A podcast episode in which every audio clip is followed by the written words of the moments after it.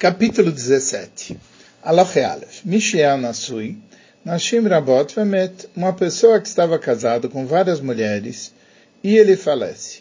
Kol Sheniset Bitchila Kodemes Litol Ktuvasa. Quem com quem ele casou antes recebe a Ktuva antes. Vem Echad Miem Noteletz Eila Beshvua E todas elas só pegam com um juramento.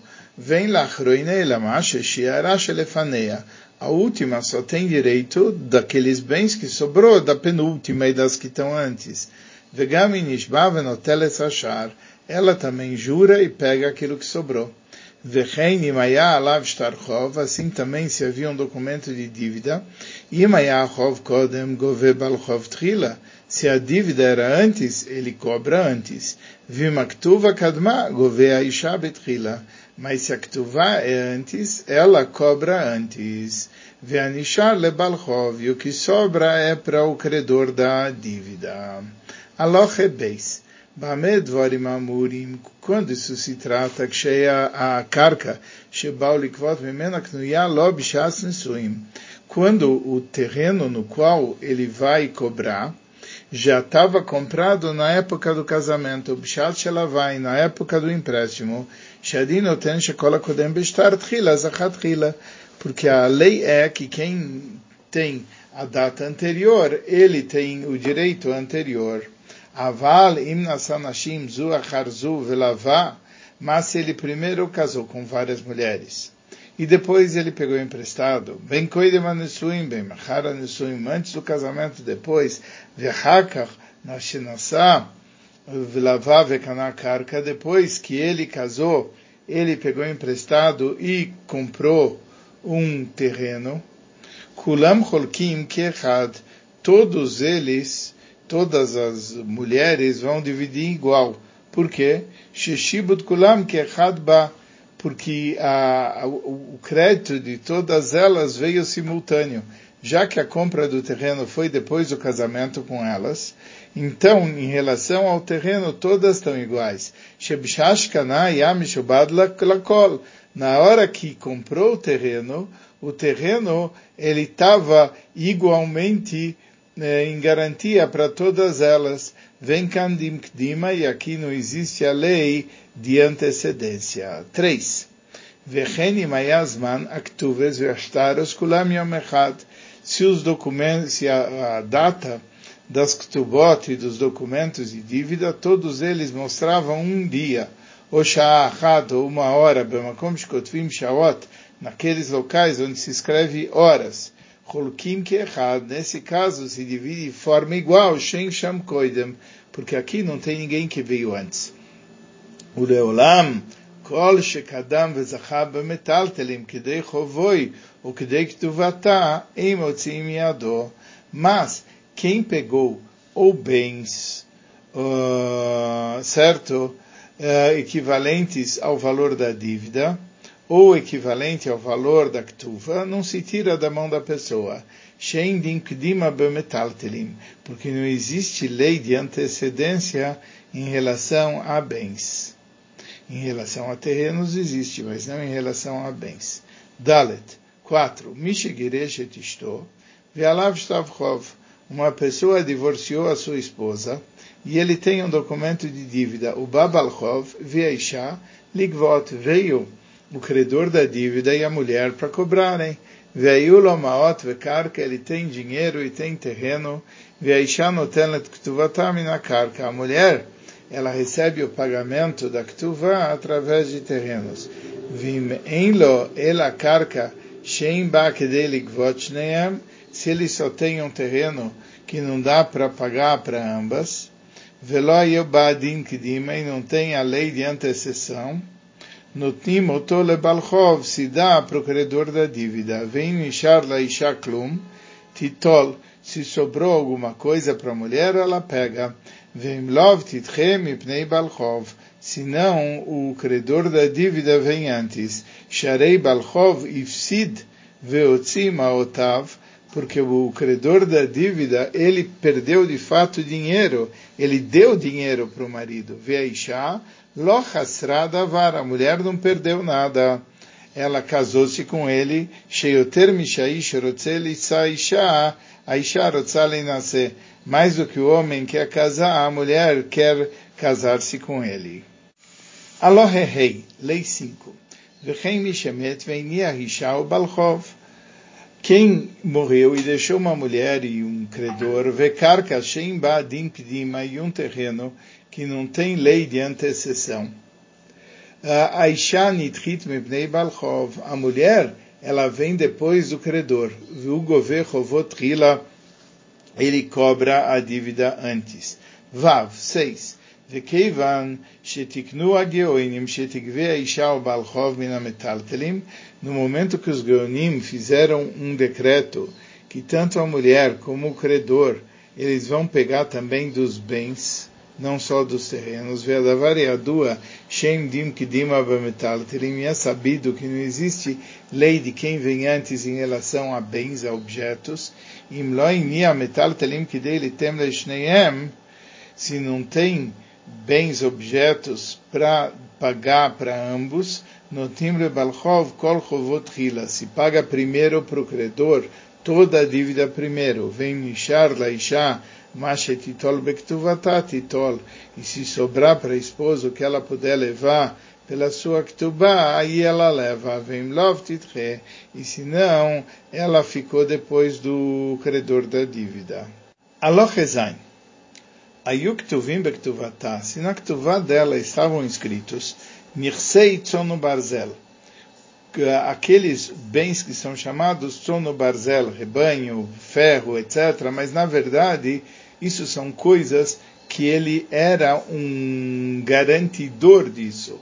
Ele pegou emprestado para ele esses bens e ele era responsável. Vetanash Avdu, e a mulher fala que ele perdeu esses bens, o Shelakam, Babal, que o marido pegou, Ari, Benirsei, Tzono, Barzer, Shelah, ela em relação a esses bens, Keshar Balei como os outros credores. Venishba, Shelola Kautam, ela jura que nunca pegou eles de volta, Veló Natna, e que ela não deu, Veló Machla, e não perdoou para o marido, Vecholekes em Balei em relação a esses bens, ela divide com os outros credores. 8. Mishemeto Giresh, uma pessoa que morreu, ou uma pessoa que divorciou. Veiesh lo nashim rabot, e ele tem várias esposas. Vem shamdim kdima, e não tem lei de antecessão. Vem lo kdei kol mas ele não tem para pagar todas as ktuves. Keitzadem holkot, como que elas dividem? Roim im כשיחלק הממון על מניין אנשים יגיע לפחותה שבהם כדי כתובתה. Se a gente vê, se dividindo o dinheiro pelo número de mulheres, a que tem a Ktuvá menor, ela vai receber um valor equivalente à Ktuvá dela, ou pachot, ou menos, Holkim Bechave, aí se divide igual. Vima Yama se tem dinheiro mais do que a Ktuvá menor multiplicada pelo número de mulheres, Holkim menos que deixe Yagia Lepchuta Shebaem Keshur Ktuvata, se divide para aquela que tem a Ktuvá menor, o valor da Ktuvá menor e para todas a mesma coisa. E depois a segunda menor e assim por diante. Vechozot, vecholkot etamutar, benanotarot, e aí se divide o que sobrou entre aquelas que sobraram, al derech harishon, segundo o mesmo critério. Keitzad, como assim? Ele vai dar um exemplo que vai explicar. Misheyanasui Arba Nashim. Ele estava casado com quatro mulheres. Ktuvata Sherarishoina Arba Meot. A Ktuvá da primeira é 400. Veshela Shnia Shalosh Meot. Da segunda é 300. Vesher Shlishis Meataim. Da terceira é 200. Vesher Evis Meia. E da quarta é 100. Nimtza Kol Elef. Ou seja, a dívida total de Ktuvas é mil. Vegeresh Kulam. Ele divorciou de todas, ou ele met, ou morreu. Iminia harba meot ou pachot. E ele deixou, se ele deixou 400 ou menos, holkot bechave kolechad notela meia ou pachot. Se divide em partes iguais, porque a ktuvá de menor valor é 100. E cada uma pega 100 ou pega menos se tiver menos. E niach shmone meot, mas se ele deixou 800, Im techalek ben kulam beshave nimtza revit notelet meataim. Não dá para dividir em partes iguais, porque a quarta vai ficar com 200 e ela só tem direito a 100. Viarei em bektuvata meia. O direito da ktuvá dela é somente 100. Ele akeitza dosim, mas como que se faz? Lochim arba meot zuz. Você pega 400 zuz, vecholkim otam bneem, e divide os 400 zuz entre eles. Bechave. Meia, meia, 100, 100 para cada uma. Nimtzet arevit natla, kedei ktuvata. A quarta recebeu o valor da ktuvá dela, veal e foi embora. Agora só sobrou três. Nishar kan arba meot zuz, veshalosh nashim. Agora tem 400 zuz e três mulheres.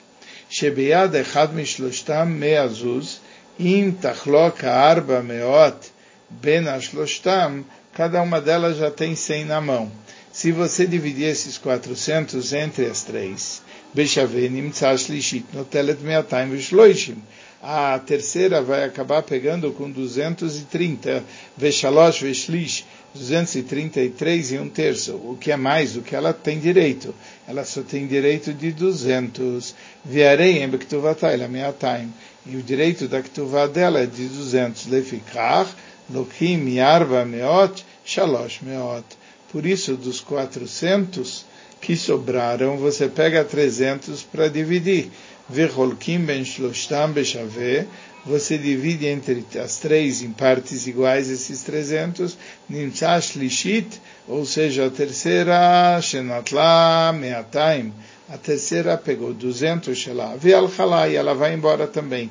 Nishar kan mea, sobrou aqui 100 moedas e sobrou 200, sobrou Shtei Anashim, e sobrou duas mulheres que ainda não receberam o total da indenização delas. Acontece que esse 100 não dá para pagar nem para a menor delas o quanto falta. Então tem 100. Se 100 não dá para pagar, você divide eles em partes iguais se divide o 100 em partes iguais entre a primeira e a segunda. Nimtza biad arishoina meataim. A primeira pega 200. Vechamishim, 250. Vechem biad ashnia. E assim a segunda também. Venimtza shlishis ashlishis time A terceira pegou 200, que é a que tu dela. O biada revis E a quarta meia, ela pegou 100, verdadeira azul, holkot leolam, afilo é meia, e baseado nesse tipo de critério, é a divisão, nem que sejam 100 mulheres. 9. Tet. 9. Arev, o garantidor, o fiador, laixá, da mulher, Bektuvatá, Naktuvá, Falpiche, Kanomeador, mesmo que adquiriram dele que ele vai ser o garantidor, Einochayav Leshalem. Ele não tem a obrigação de pagar se o marido não pagar.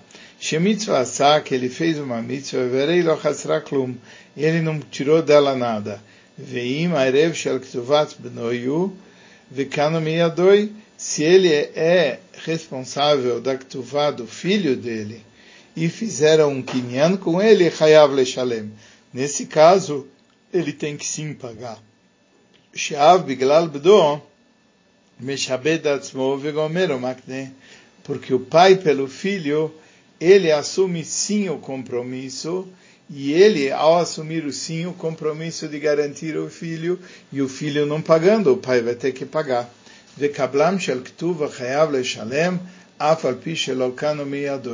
Uma pessoa que aceitou a responsabilidade da Ktuva tem que pagar, mesmo que não fizeram um Kinyan. veis é o Kablan, que quer dizer um Kablan? Que ele é o responsável por isso. Ze chamar la isha, aquele que falou para a mulher, inasila ze ve'aninoten Ktuvazu. Ele falou, pode casar com fulano, que eu vou dar para você a ktuva se tiver qualquer problema. Avali mamar la arev ktuvazu. Uh, se ele falar, eu sou um fiador dessa ktuva, ani porei a ktuva azul, eu pago essa ktuva, ani chayav ba, eu tenho obrigação nela, do que sei bazer patur. Nesse caso ele está isento. Ele é em quema, viva, a não ser que ele é o pai lá do noivo. Amegaresh estou, Yadirena, uh, Yadirena Anaa ve'achaka tifrak tuvata mina kablam. Aquele que eh, divorcia a sua esposa, que tem um voto para não ter proveito, depois ela pode cobrar a ktuvá daquele kablan ou do pai dele, e Mayarev, se ele é responsável. Shema she'azirena venimtzau assim knunya anichnasim shelze. Por quê? Porque você tem que ter certeza que ele tem que fazer um voto de que ele não vai ter proveito dos bens dela, porque senão eles podem estar fazendo um plano para se aproveitar dos bens de um terceiro. 10. Vecheina makdish nechassav vegereshet isto, aquele que deu os seus bens para o templo. E depois ele divorcia da sua esposa. Uh, e a direna na ele tem que fazer um voto para não ter proveito, viachaka tifram na poder miada egdesh. E depois é que ele pode cobrar daquele que redimir da mão do templo. Shema yasuknunya ela egdesh. Porque talvez eles fizeram um golpe contra o, as coisas do templo. Avala megareshet isto bali trov mina lekuchis, em mechayevim oto leadira aquele que vai fazer um divórcio com a sua esposa e vai pegar um bem de quem tinha comprado esse bem, porque o bem era garantidor, não tem que fazer um voto de não tomar proveito. Ela ela jura e ela que ela que a dívida ainda está de pé e ela pode anular a venda e pegar daquele bem. Vem.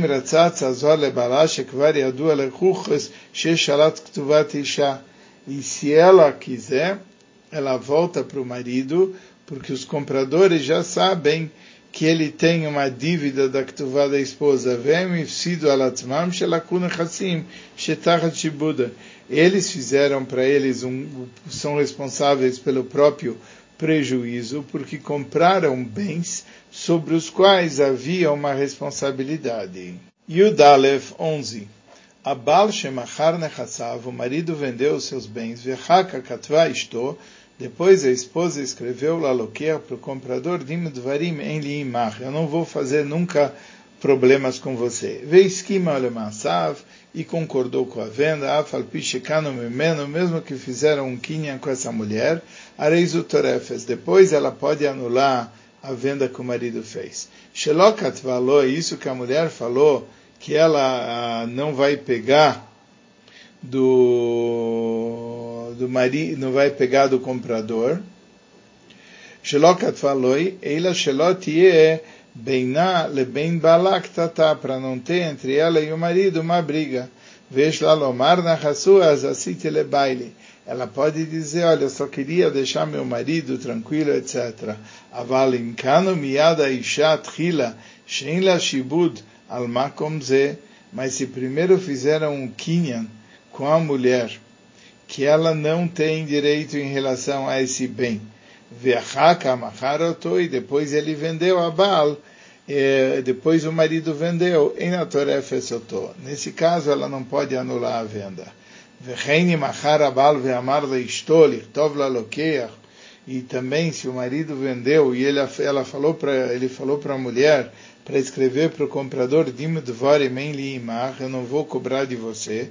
Velo katva velo esquima lemasav nifsada mecher. E ela não escreveu e não concordou com ele, por isso perdeu a venda. E depois o marido vendeu para outra pessoa, bem notasade, bem sade acheres, quer esse campo, outro vehaka, shemacharabal, esquima lemassave, kanomiada. Depois que o marido uh, vendeu, ela concordou, e fizeram um kinyan, shein la shibud al sadezu, que ela, esse campo não é garantidor da ktuva dela, em litrof, ela não pode anular a venda que ele fez. Por quê? Porque ela não pode dizer eu queria agradar o meu marido. Beretzon Balá, porque no começo, quando ela não queria, ela não fez aquilo que o marido estava pedindo dela. Alachayud Beis. Mishayu Loshtei Nashim, quem tem duas esposas. O Maharetzadeu vendeu o seu campo. Vekano Miyad Arishoina, fizeram um kinyan com a mão da primeira. Shen La Shibud Al que ela não tem, esse campo não é garantia para ela. Vem na Toref Esuto, e ela não anula a venda dele, Minaloker, do comprador. Veyak Nyan Moil, e era uma compra que funcionou. Sheina Yecholal Iton Bon Achasru Ahasit Lebaili que ela não pode dizer eu fiz isso para agradar meu marido. Vehakar metabal, depois morreu o marido. O Gerash ou que divorciou as duas. Ashniam Otzim Yad Alokeach, aquela segunda que não fez a garantia de que eu não vou cobrar de você, tira o campo da mão do comprador. Porque ela não tinha esse compromisso em relação ao comprador. A primeira, ela tira o campo da segunda, porque porque ela veio antes. Ela veio antes da segunda, então ela tinha direito de ficar com o campo mais do que a segunda. Ela só abriu mão em relação ao comprador, mas não em relação a essa segunda. O Kshetazora Sadela Rishoina, quando o campo voltar para a primeira, Rosera Lokeach, o comprador, ele fala, Amiyada, e tira o campo da mão dela, Shareikano Loi, porque ela fez um acordo com ele, que esse campo ela não vai pegar dele e aí o comprador vai ter que dar para a segunda, a segunda vai ter que dar para a primeira, a primeira para o comprador, e aí fica um ciclo. Vichosrim Khalila, e essa história vai continuar rodando até que eles façam um acordo entre as partes. Alachá 13. Almaná, uma pessoa que é uma viúva, bem minanesuim, bem minaerusim, quer do casamento ou do noivado, nishbal mocheres mikar kabbalah, ela jura e vende terrenos do marido, venifrat ktuvata, e ela paga o valor da ktuvá dela, eh, bem bebeizin mumchim, quer perante um tribunal de peritos, bem bebeizin sheinu mumchim, quer num tribunal que não é de peritos, veu shiyu ashlosha nashim nemanim veiodim beshumas akarka. Isso se são três pessoas confiáveis que sabem avaliar um terreno. Veachrayut amecher al aitomim. A responsabilidade da venda pega sobre bens de órfãos. A vala grushá, mais uma mulher que foi divorciada, lotimkor, ela bebeizin mumchim. A divorciada só pode vender terrenos do marido perante um tribunal de especialistas. Aquela que está vendendo algo no tribunal tem que se fazer um anúncio público para saber que vão vir várias pessoas e vou trazer o melhor preço. O Birchot al-Rois Bar Mishpat Mechiras Beizin. Nas leis de empréstimos, lá a gente vê como que funciona a venda quando ela é feita pelo tribunal. Erri, como que é? Avala Mocheret Shelob Beizin, aquela que está vendendo sem ser perante um tribunal, Eina Tzrecha Achraza, não precisa de um anúncio público, Viafal Pichen, mesmo assim, Tzarech Shloisha, precisa três, Shem Nemanim Veduim Beshumah, que eles são pessoas que têm fé pública e que sabem fazer a avaliação de quanto que vale as coisas do terreno. 14. Almanashe Machra Karka Bektuva, uma viúva que vendeu um terreno para se pagar a sua ktuva, bem na bem e ela fez isso privadamente, se ela vendeu por um preço correto, a venda está de pé. Ela faz o juramento das viúvas, Achar depois que vendeu. Viu isso é quando ela vendeu para outra pessoa. Aval im chama leatzma, mas se ela avaliou e vendeu para si mesmo, lo ela não fez nada. Veafilo e mesmo que ela anunciou, vender para si mesma, isso ela não pode. 15. Aitak tuvata meataim. a ktuvá dela vale 200, uma chrashave meia bemeataim, e ela vendeu uma coisa que valia 100 por 200, o shave meataim bemeia, e vendeu 200 por 100, nitkabla ktuvata, e recebeu o valor da ktuvá, vem lá klum, e agora ela não tem nada, belvad shetishba shua salmona, e tem que fazer o juramento da viúva. Ktuvá meia, o machra shave meia, vedinar, bemeia, se a ktuvá dela valia 100 e mais um dinar, e ela vendeu isso por, por, por 100. Michra batela, a venda está anulada. Filha amra ani achzir et dinar leorshim, mesmo que ela falar, olha, eu vendi 101 por 100, e ela falar aquele dinar que teve de prejuízo, eu vou devolver para os herdeiros, ela não pode fazer isso. Por quê? Porque ela vendeu sem um anúncio público e vendeu algo por preço menor. Não pode fazer isso. 16. Aitaktovata arba meot zuz. A ktuvá dela valia 400. Machra laze bemané. E vendeu para um 100. Velaze bemané. E para outro 100. Chave bechave em valores iguais. O leacharon chave meia. Vedinar bemeia shel acharon batel. E aqui no último ela vendeu um, uma coisa que valia 100 e mais um dinar por 100. Até aqui ela tinha vendido coisas pelo valor correto. E aqui ela vendeu o 101 por 100. Shela Haron Bater, a última venda dela está anulada. Veshel Kulam Kayam. E dos outros está de pé. Yudzain 17. Yesh la isha limkor ktuvata. A mulher pode vender a sua ktubá. Ou litná bematona, ou dar de presente, e metabal, se o marido vier a falecer, ou gershá, ou divorciar ela, e avoá-la veitol. Aquela pessoa que é detentor do direito da ktuvá, ela vem e pega. Vei meta e bala, se ela vem a falecer na vida do marido, o kodem she nishba, em Loklum, ou antes do juramento, aí a Ktuvá não vai poder ser recebida, ele não tem direito a nada, porque ele comprou o direito da Ktuvá, e a Ktuvá não tem direito a receber nada. 18. Areish Machra, Miktsas Ktuvata, ela vendeu uma parte da Ktuvá, 30% da Ktuvá, ou Mishkená Miktsas Ktuvata, ou colocou, ela hipotecou uma parte da Ktuvá, ou Natnale, a Herbema, Miktsas Ktuvata, ou deu para outra pessoa uma parte da Ktuvá, Mocheres Karkabala, Vetigbe, Ashar, Ben Bebeizin, Shel Mumchim, Ben Beshalosh Nemanim. Ela vende do, do terreno do marido e o resto ela cobra ou num tribunal de especialistas, ou num tribunal de alguém que se confia, etc.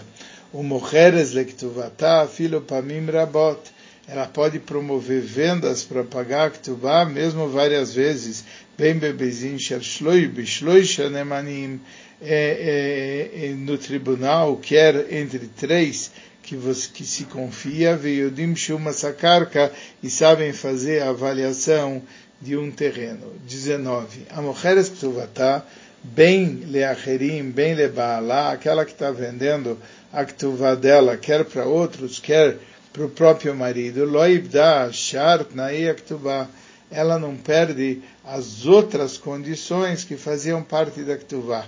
Veimayulá ben zachar, se ela tem um filho, uh, homem, Yoresh Keneged Ktuvata, ele herda o valor da Ktuvá dela, Azois, Shenim Keram Nechsei Aviv, dos bens do pai. Yoter al Helko Kedin Taize, mais do que a parte dos outros filhos, por causa dessa condição. Avala Mochelet Ktuvata, mas aquela que perdoou a Ktuvá lebaala para o marido, e dá Kol Tnai Ktuvata, ela perde todas as outras condições que ela tinha da Ktubá, porque ela perdoou o contrato como um todo. Veafilo mezoinas em Laalav, mesmo direito de pensão alimentícia ela não tem mais.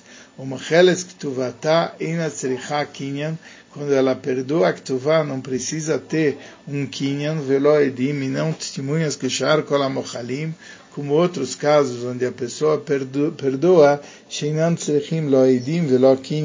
que não precisa nem de testemunhos, nem de Kinyan, Ela Bedvarim, basta falar, Bilvad, somente. Mas ele tem que pelo menos falar de uma maneira com que a gente eh, confia nisso, Velo Yud Ivrei não pode ser de uma forma leviana, como uma brincadeira, veitul, divrei teima, erabdas nechoina, uma coisa que talvez não. Isso tem que ser de uma forma clara e confiável.